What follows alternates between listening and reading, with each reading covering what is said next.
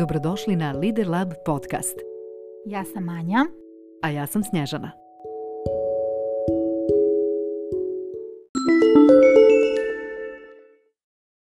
Ako ste dovoljno dugo okruženi negativnim ljudima, vijestima i uticajima, počet ćete opažati svijet kroz negativnu prizmu.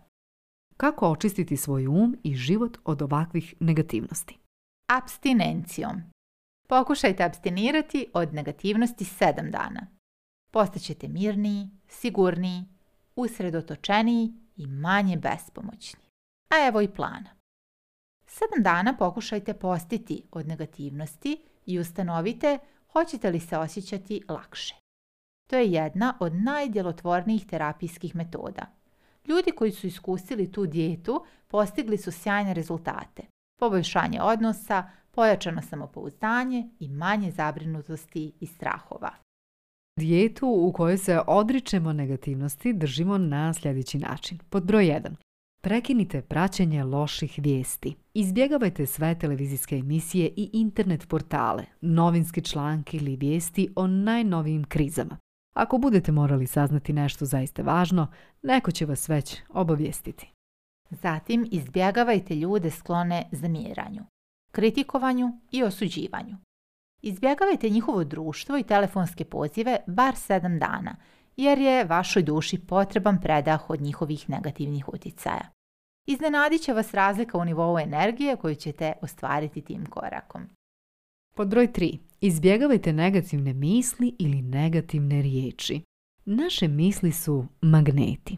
Kontrolišite svoje misli i svjesno birajte samo afirmativne poruke optimizma i uspjeha, tako ćete u svoj život privući upravo te kvalitete. Sedam dana izbjegavajte prigovaranje, kritikovanje, zamjeranje, osuđivanje ili ocrnjivanje bilo koga ili bilo čega. Pod četiri, ponavljajte podržavajuća uvjerenja. Podržavajuća uvjerenja su najvažniji alat za prevladavanje straha od promjene. Ako ulovite sebe kako u unutrašnjem dijalogu govorite da nešto ne možete ili da za nešto niste sposobni, Brzo detektujte takvo uvjerenje.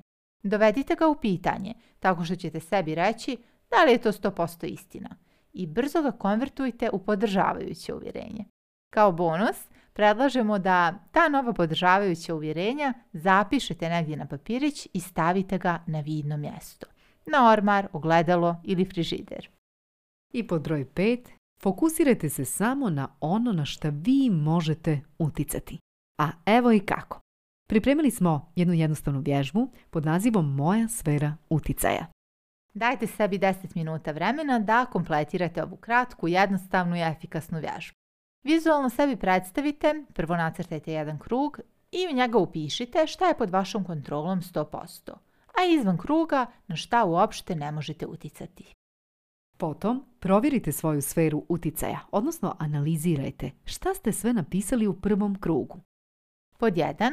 Za stvari ili situacije gdje imate potpunu kontrolu, preduzmite akciju, bez obzira na njen obim ili veličinu, ukoliko to situacija zahtjeva. Preduzmite bar jedan korak već danas. I konačno, ali i najvažnije, pustite sve ostalo što ste napisali van kruga, odnosno na što nemate nikakvog utjecaja ili kontrole. Dakle, provjerite još jednom i ovaj posljednji spisak van kruga, te ukoliko zaista nema ničeg što biste mogli preduzeti, onda zaista nije ni vrijedno da trošite svoje vrijeme i energiju na razmišljanje o tome. Sada kada znate gdje treba preduzeti akciju na stvari koje su pod vašom kontrolom i djelimičnim utjecajem, bit ćete u mogućnosti da fokusirate vašu energiju tamo gdje će biti najbolje upotrebljena. Odličan uvid!